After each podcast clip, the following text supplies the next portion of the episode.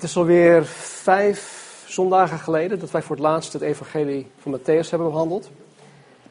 En ja, natuurlijk waren de feestdagen goed. Natuurlijk was het geweldig om afgelopen zondag mijn uh, kleinzoon geboren te zien worden. Maar ik zie er ook echt naar uit om weer uh, Matthäus in te gaan duiken om de studie uh, vanmorgen op te pakken. We zijn geëindigd met hoofdstuk 20. Vanmorgen maken wij een begin aan hoofdstuk 21. En de overgang van Matthäus 20 naar 21 is, is ja, voor mij gewoon echt spannend. Want hoofdstuk 21 tot en met 27 gaan over de laatste levensweek van Jezus. En dat, ja, dat wordt ook wel de passie van Jezus Christus genoemd.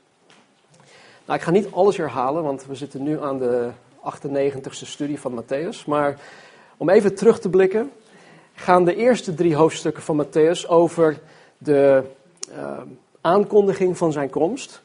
Het gaat over zijn geboorte, vervolgens over de doop van Jezus door Johannes de Doper. De eerste drie hoofdstukken van uh, Matthäus omvatten de eerste dertig levensjaren van Jezus. 30 jaar.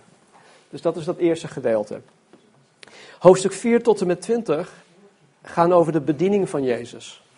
Zijn onderwijs, het roepen van de discipelen, het toerusten van de discipelen, het klaarstomen van de discipelen, het verrichten van allerlei tekenen en wonderen, het genezen van mensen, het mensen uit de dood in opstaan, het, het bevrijden van mensen van demonen, al dat soort dingen. Deze 17 hoofdstukken omvatten zo'n drie levensjaren van Jezus. Nou, nu gaan we dus over op de laatste week van Jezus' leven op aarde, voordat hij gekruisigd wordt. En aan deze laatste zes dagen besteedt Matthäus zeven hoofdstukken. 21 tot en met 27. En tot slot, Matthäus 28 tot en met Handelingen 1 behelst een periode van 40 dagen. Ja? Nou, goed. Dankjewel Marcel. Doordat Matthäus zeven hoofdstukken wijdt aan slechts één week, gaan wij behoorlijk inzoomen op, ja, op wat daar gaande is. En ik weet dat we heel lang gedaan hebben over deze eerste twintig hoofdstukken. Maar juist omdat de tekst zelf inzoomt op, op specifieke dingen, kunnen wij daar denk ik iets sneller doorheen gaan. Heeft minder commentaar nodig. En het is gewoon prachtig, want hierdoor zullen we helemaal opgenomen worden in het verhaal. En je kan jezelf er helemaal in gaan vinden. Het is alsof je daar zelf aanwezig bent. Althans, zo, zo beleef ik het. Nou, alle vier evangeliën hebben dit verslag vastgelegd. En alle vier evangeliën vullen elkaar aan, zodat we een, een totaalbeeld krijgen van wat daadwerkelijk gebeurde. Dus wanneer we dit gaan behandelen met elkaar, zullen we ook naar Marcus gaan kijken, naar Johannes en naar Lucas. Maar vanmorgen beginnen we met Matthäus hoofdstuk 21 en dan nemen we vers 1 tot en met 11. Dus laten we het lezen. En toen zij Jeruzalem naderde en in bed hoe zeg je het, Vage, Vage? Betvage, oké. Bij de Olijfberg gekomen waren, zond Jezus twee discipelen uit en zei tegen hen: Ga het dorp in dat voor u ligt, en u zult meteen een ezelin vinden die vastgebonden is, en een veulen bij haar. Maak ze los, breng ze bij mij. En als iemand iets tegen u zegt, moet u zeggen dat de Heer ze nodig heeft, en hij zal ze meteen sturen.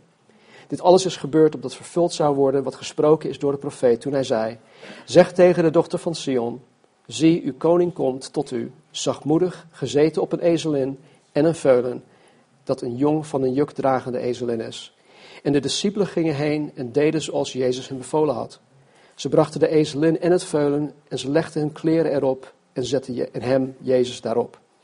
En het grootste deel van de menigte spreidde hun kleren uit op de weg en anderen hakten takken van de bomen spreidden ze uit op de weg.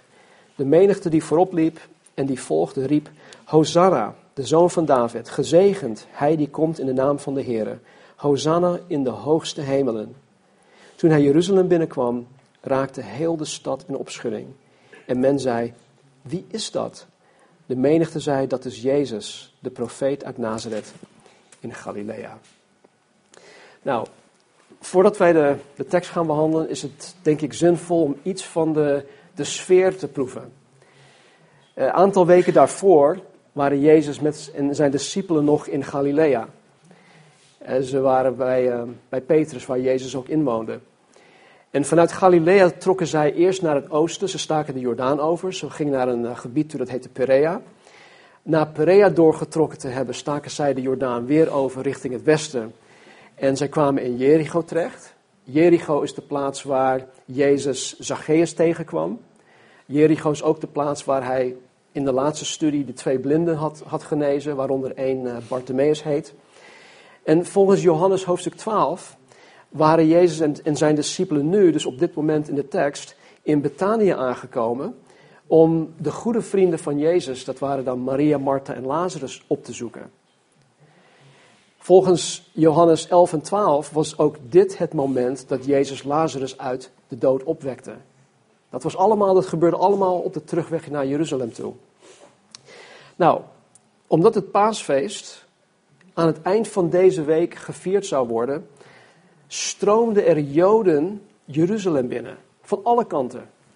Overal stroomden er Joden Jeruzalem in. En samen met Jezus en zijn discipelen trok dus ook een gigantische menigte richting Jeruzalem. Dit waren mensen vanuit Galilea. Dit waren ook mensen vanuit alle andere plaatsen waar Jezus doorheen trok om naar Jeruzalem toe te gaan. En volgens de geschiedschrijver Flavius Josephus werd er een telling gedaan rond die tijd. Het was wel iets na, na deze tijd, ik denk zo'n vijf à tien jaar later. Maar er werd een telling gedaan en volgens die telling werden er zo'n 260.000 lammeren geslacht en geofferd tijdens het paasfeest. 260.000. Dat is echt hard, dat is echt hard werk hoor, om 260.000 lammeren te slachten. Dat is gewoon een hoop werk. Volgens de wet werd er één lam geslacht of geofferd voor minimaal 10 mensen. Dus één lam per tien mensen. Dat was het minimum. Dus alleen al op basis van het minimum zouden er zo'n 2,6 miljoen mensen zijn in Jeruzalem voor het paasfeest. Dat is ongekend, dat is gewoon gigantisch veel mensen. Nou, een groot deel van deze mensen kende Jezus al. Omdat hij ja, al een aantal jaren rondtrok, rond uh, het gebied van Galilea. Het waren ook vooral deze mensen die Jezus naar voren wilden schuiven om hem koning te maken want elke keer wanneer Jezus iets deed, zei hij: vertel het aan niemand. In Johannes zegt hij elke keer: Mijn uur is nog niet gekomen. Mijn uur is nog niet gekomen. Vertel het aan niemand door. Maar wat we nu gaan meemaken is het uur, het moment. Ook alle mensen die net de dag daarvoor zagen dat Jezus Lazarus uit de dood opwekte, die waren erbij. dus kan je je voorstellen wat voor een emoties en wat voor ja, opwinding er allemaal was.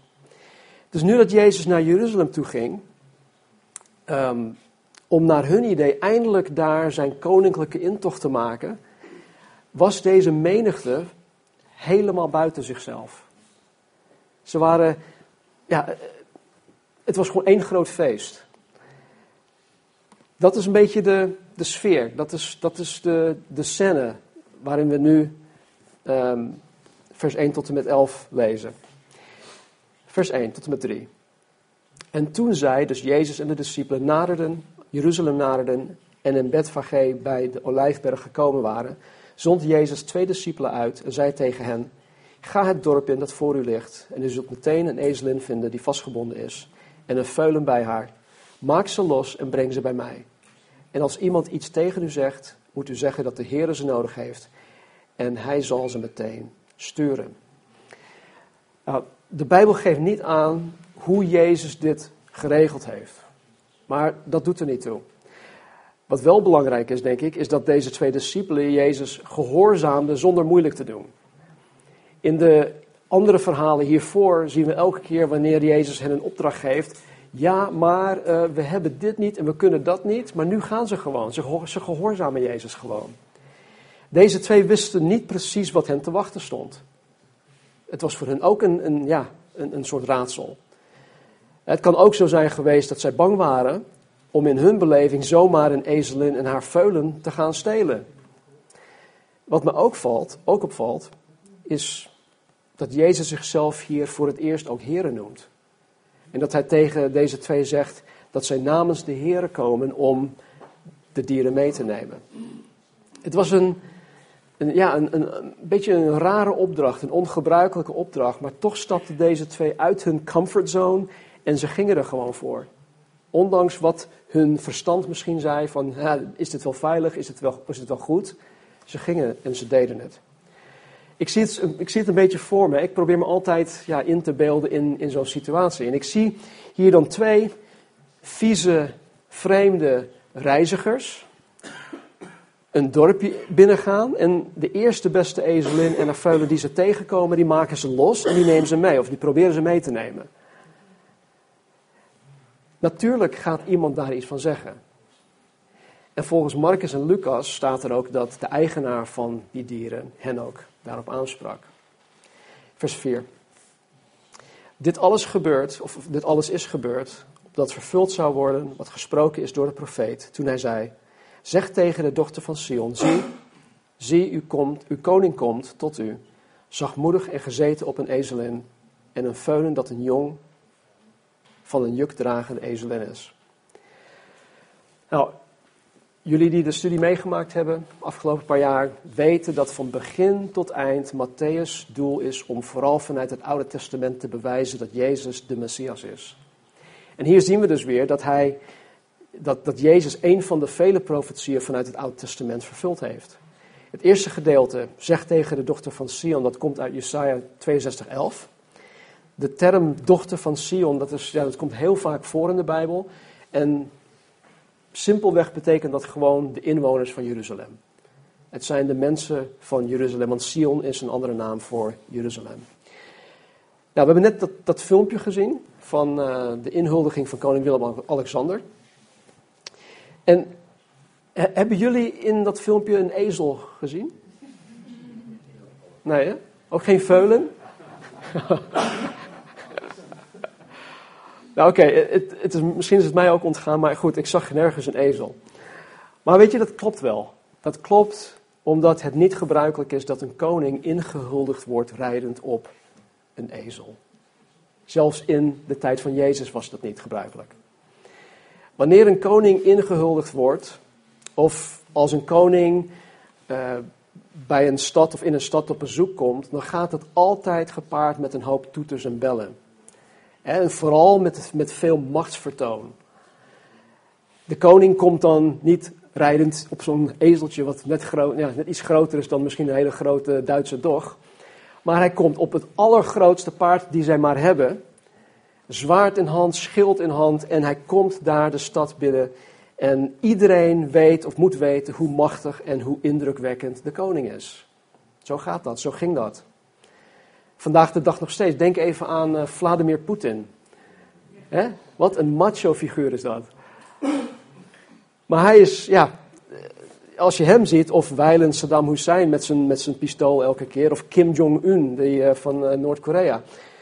Elke keer als er een of andere ceremonie in een hoofdstad plaatsvindt, dan zie je ook altijd het leger erbij marcheren. Dan zie je raketten voorbij gaan. Dan zie je straaljagers voorbij vliegen. Allemaal om de wereld te laten zien van jongens, wij zijn onoverwinnelijk.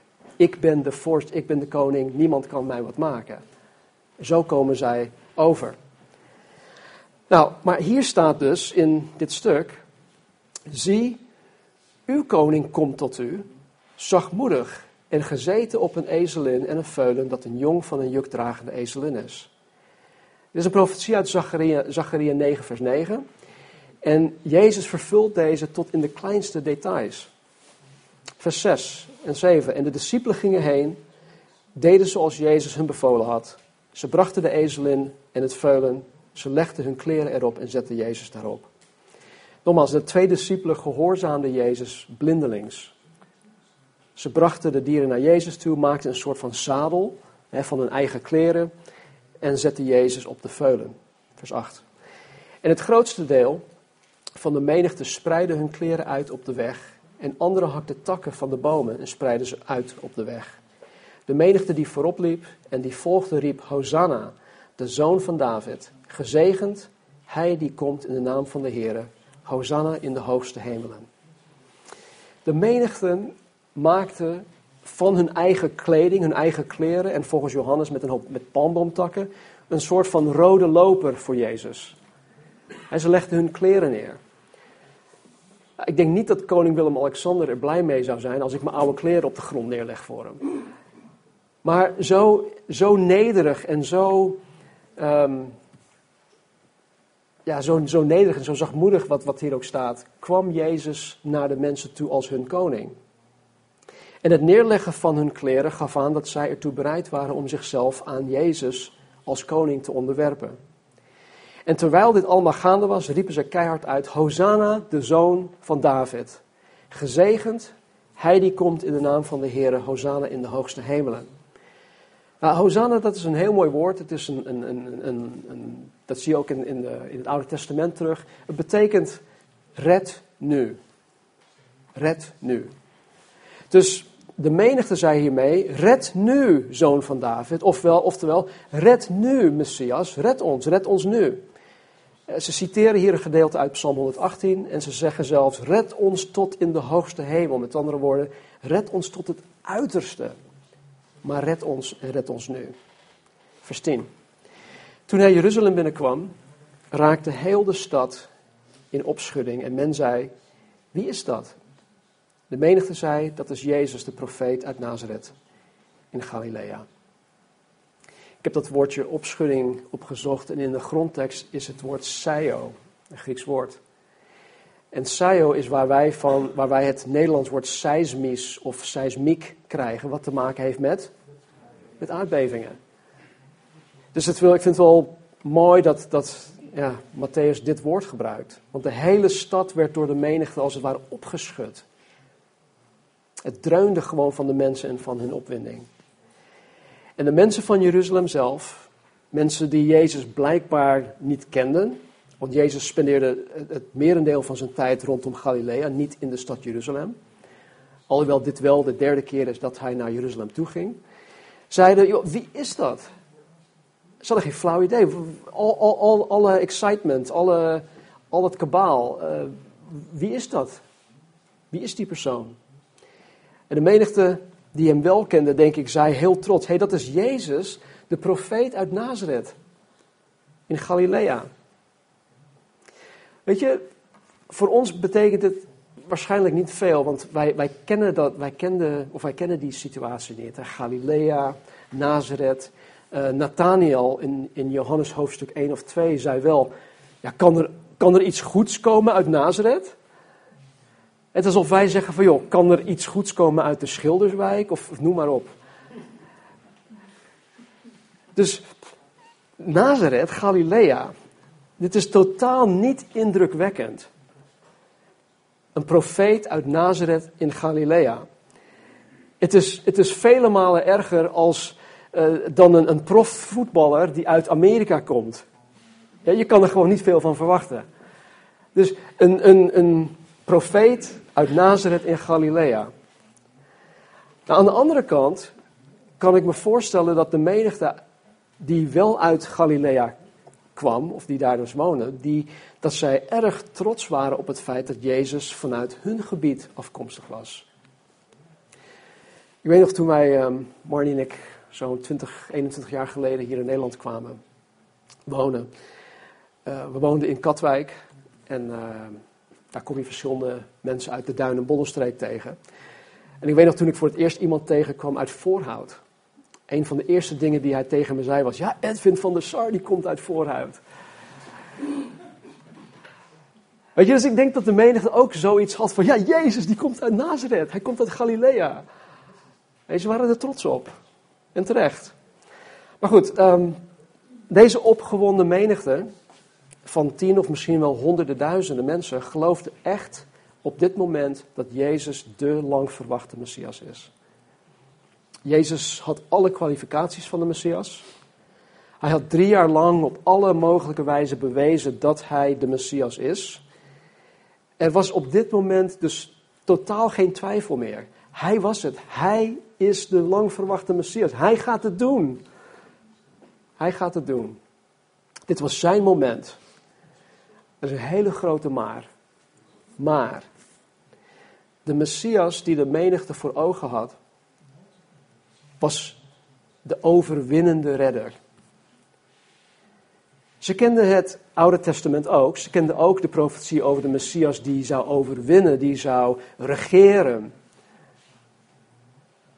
Maar alle andere profetieën over de leidende Messias, over de, de Messias, de koning die nederig zou komen, dat ging, dat ging aan hun voorbij.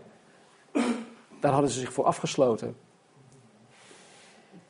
Maar de, de Messias die zij voor ogen hadden was de overwinnende redder, de koning die Rome omver zou werpen. De koning die de bezettingsmacht het land Israël uit zou zetten. Dat wilden zij, die hadden zij voor ogen. De Messias die de mensen voor ogen hadden, zou hen gaan redden van deze bezettingsmacht.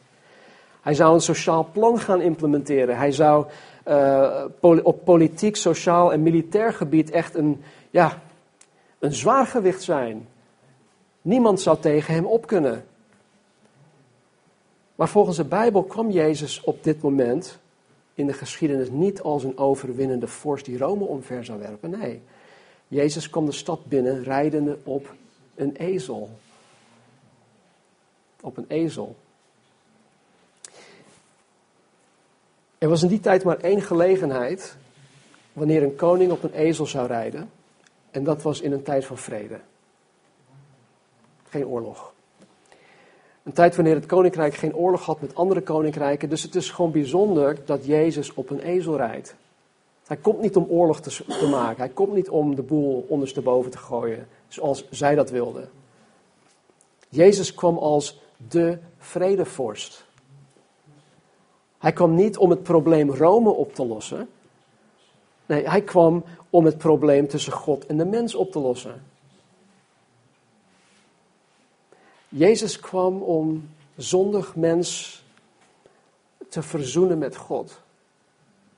Wat de wet niet kon doen, de wet was niet in staat om de mens volledig te kunnen verzoenen met God. Daarom kwam Jezus. De wet kwam door Mozes, genade kwam door Jezus Christus. Jezus kwam om de straf voor de zonde op zichzelf te nemen.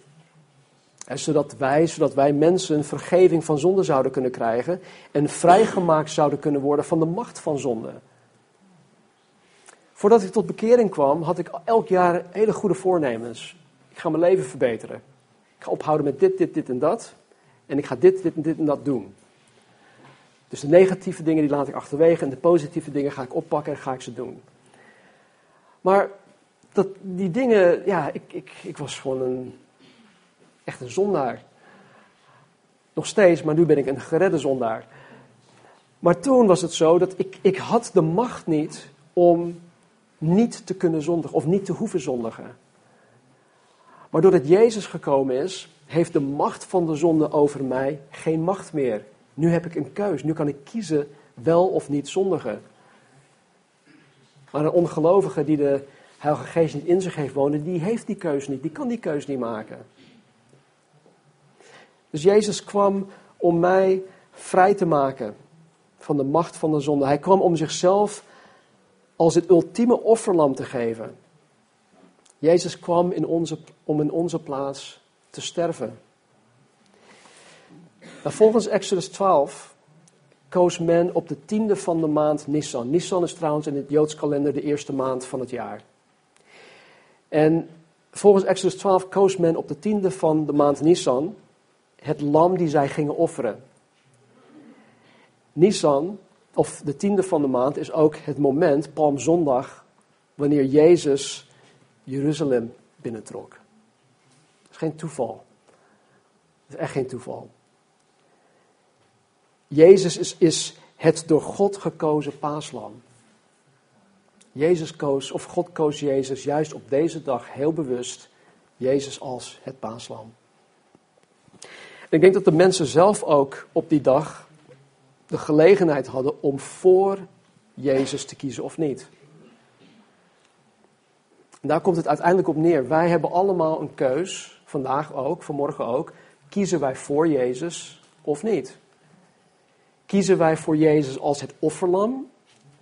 Het lam dat in mijn plaats geofferd werd? Of negeren wij dat? En zoeken wij alleen maar naar de regerende Jezus?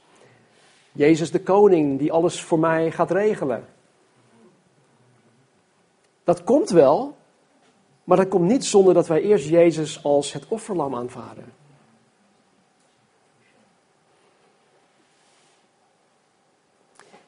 Uiteindelijk zien wij aan het einde van Matthäus dat dezelfde menigte, die hier dus allemaal Hosanna roep, riepen, niet voor Jezus koos. In Lucas 19 spreekt Jezus in een gelijkenis over, over deze mensen. En in de gelijkenis zegt hij van deze mensen dat zij uiteindelijk zullen zeggen: Wij willen niet dat deze man koning over ons zal zijn. Jezus zegt dat gewoon. Hij zegt het over de menigte die, voor hem, die, die hem vooruit liepen, die achter hem liepen, Hosanna riepen. Hij zegt over hen dat zij uiteindelijk zullen zeggen: Wij willen niet dat deze man koning over ons zal zijn. En helaas was dit ook waar. Dat zien we in, in Matthäus hoofdstuk 27. Laten we even naar Lucas 19 toe gaan. Uh, Lucas 19, vers 28.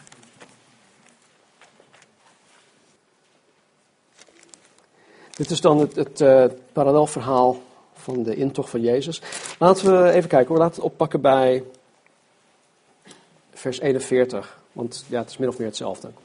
Behalve dit. Nou, en toen hij, Jezus, dichtbij kwam en de stad zag, weende hij over haar. Jezus zei, och, dat u ook nog op deze uw dag zou onderkennen wat tot uw vrede dient. Nu echter is het verborgen voor uw ogen.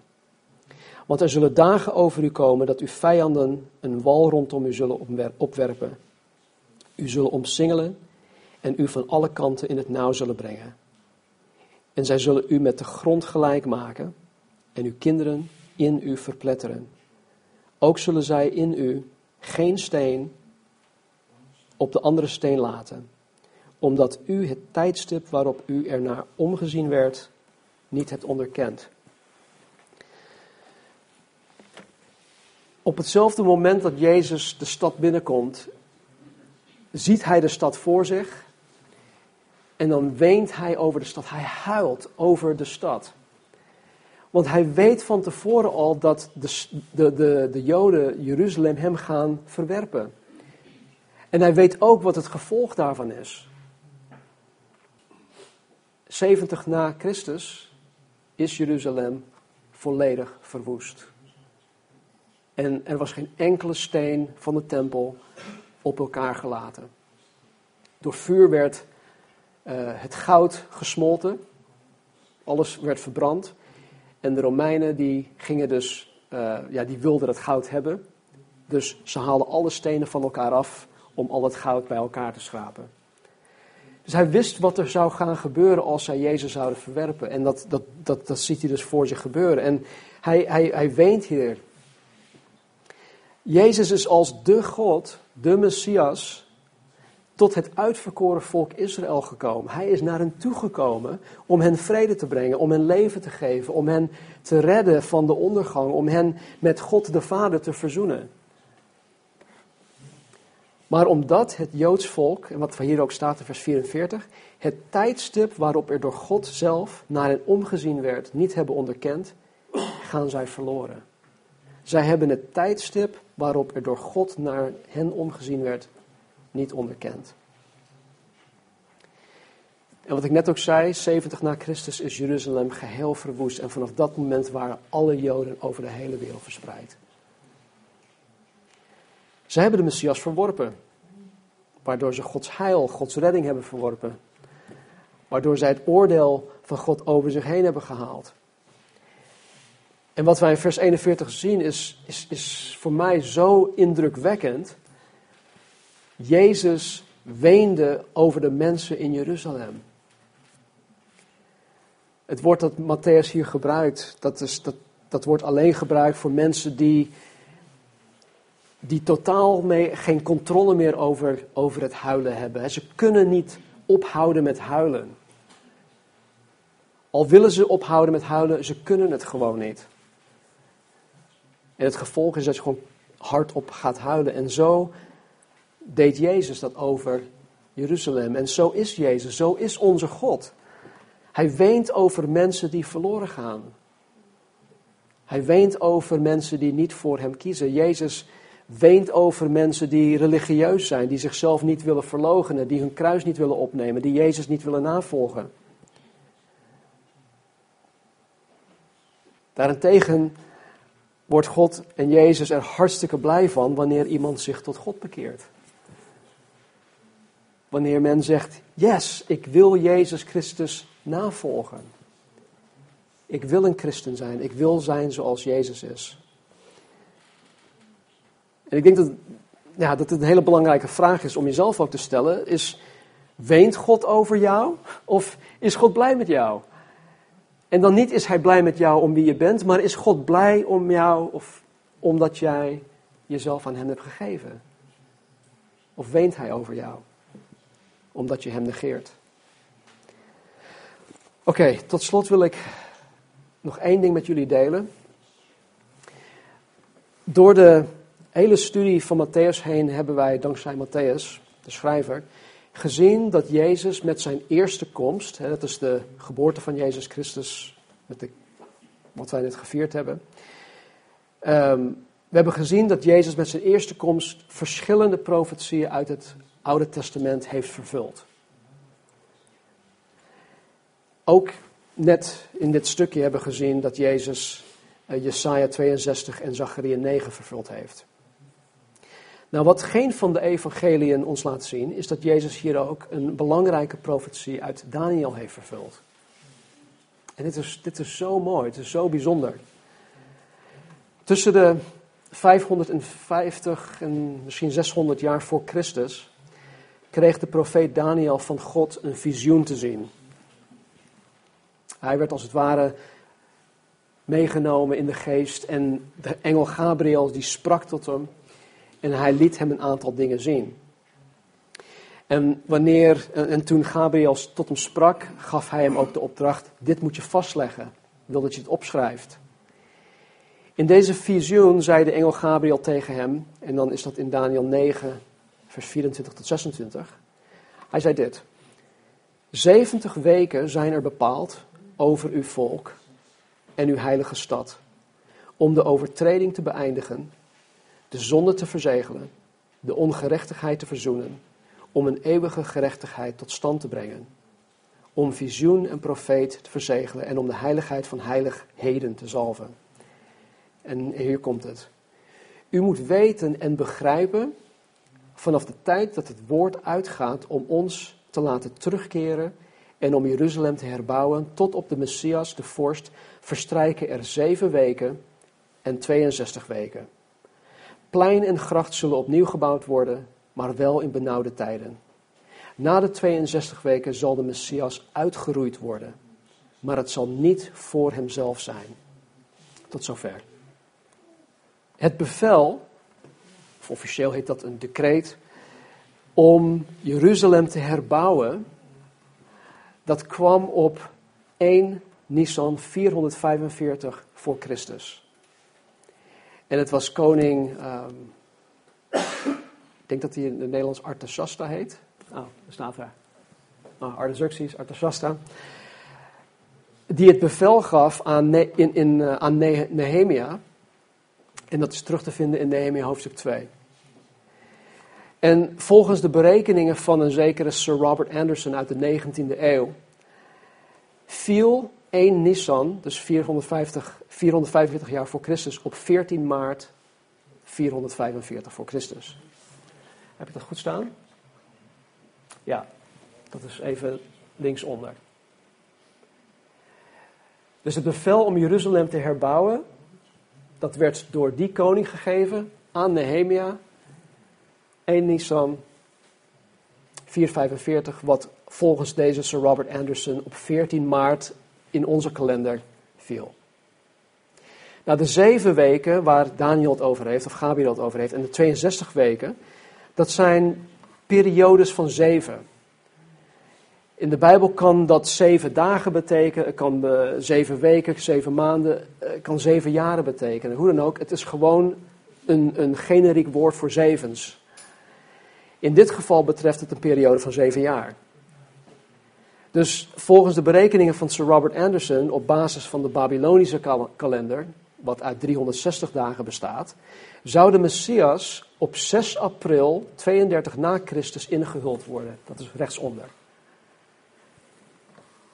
Wat wij vanmorgen gelezen hebben, de, de intocht van Jezus Christus in Jeruzalem, viel exact op die dag, 6 april 32 na Christus. Dit is de exacte dag dat Jezus Jeruzalem binnenreed op die ezel. Ik vind het gewoon zo gaaf. En we hebben heel veel profetieën vanuit eh, het Oude Testament. Uh, bijvoorbeeld de komst van Jezus, de eerste komst van Jezus, uh, Bethlehem, al dat soort dingen. Hij komt uit Bethlehem, hij komt hieruit, hij komt uit de stam van, nou, zoon van David. Dit is toch wel heel erg precies. Tot op de dag. Als je daar meer over wil weten, het is, het is terug te vinden in zijn boek, dat heet The Coming Prince. Dat is in, uh, denk ik, 18 nog wat is dat geschreven. Niet elke theoloog is het ermee eens met zijn berekeningen, maar goed, dat, dat heb je met alles. Voor zover ik weet, en ook de, de Bijbelleraren die ik erg hoog heb staan, die zijn het er wel mee eens. Die hebben, dingen, die hebben zich ook daarin heel echt verdiept. En dan klopt het allemaal wel. Maar goed, waar het op neerkomt is dat God die werkt volgens een tijdsplan. Hij, hij, hij heeft een plan. Ook heeft hij met ons een plan. En wanneer de koning in ons leven komt, dan voert hij dat plan met ons uit. Als wij zijn als de menigte, Jezus, Jezus, Jezus, maar vervolgens, oeh, nou je bent toch niet echt wat ik had verwacht. Nee, hoeft voor mij niet. Dan krijgt die koning geen toegang in mijn leven. Maar op het moment dat wij ons hart openstellen, ons leven openstellen, als wij ons geheel openstellen voor die koning, als hij toegang krijgt tot ons leven, dan gaat hij zijn plan met ons vervullen. En weet je, zijn plan is miljarden malen beter dan ons plan. En we zullen vanmorgen ook iets zien, we mogen ook getuigen zijn van iets, van één klein voorbeeld van hoe God zijn plan in een mensenleven tot uiting laat komen. Maar laten we eerst bidden. Hemelse Vader, dank u wel. Dank u wel dat u in deze elf versen, Heer, zoveel aan ons laat zien. Dank u wel dat u een plan hebt. Heer, een gigantisch groot plan. Maar ook een heel erg persoonlijk plan. Met een ieder van ons als individu. Dus Heer, waar wij misschien een andere Jezus hebben, uh, voor ogen hebben. Help ons, Heer. Help ons, schenk ons bekering. Help ons om daarvan af te komen. En help ons om Jezus te zien zoals Hij daadwerkelijk is en zoals Hij wil zijn in ons leven, de grote ik ben.